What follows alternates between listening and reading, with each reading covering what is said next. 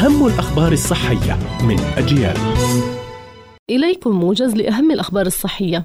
أخصائي تغذية علاجية يوصي الأشخاص الذين لديهم معدة حساسة بتوخي الحذر عند تناول القهوة لأن مواد التحميص بها تعزز إنتاج حمض المعدة ما يؤدي إلى الإصابة بحرقة المعدة وأنه يجب إضافة الحليب إلى القهوة ليبطل مفعول مواد التحميص.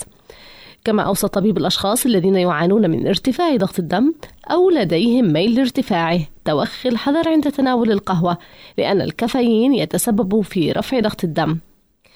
تحتوي الأمعاء على أعداد ضخمة من البكتيريا منها ما هو نافع ومنها ما هو ضار. ويمكن تحفيز بكتيريا الأمعاء النافعة عن طريق تناول بعض الأطعمة. والابتعاد عن الأخرى.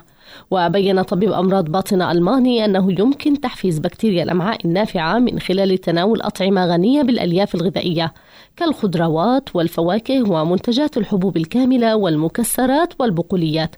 وأن الأطعمة المخمرة كمخلل الملفوف تعمل أيضا على تحفيز بكتيريا الأمعاء النافعة. المركز الاتحاد الألماني للتغذية يقول إن نقص عنصر اليود في الجسم يمكن أن يتسبب في حدوث مخاطر صحية جسيمة.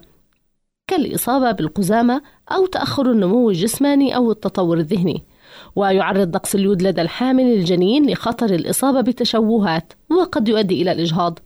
كما يتسبب نقص اليود لدى البالغين في إصابتهم بتضخم في الغدة الدرقية مصحوب بتكون عقد أو دونها. بالتالي اضطرابات الغدة الدرقية. وللوقاية من هذه المخاطر الصحية شدد المركز الاتحادي على ضرورة إمداد الجسم بكميات وفيرة من هذا العنصر من خلال تناول الأطعمة التي تحتوي عليه.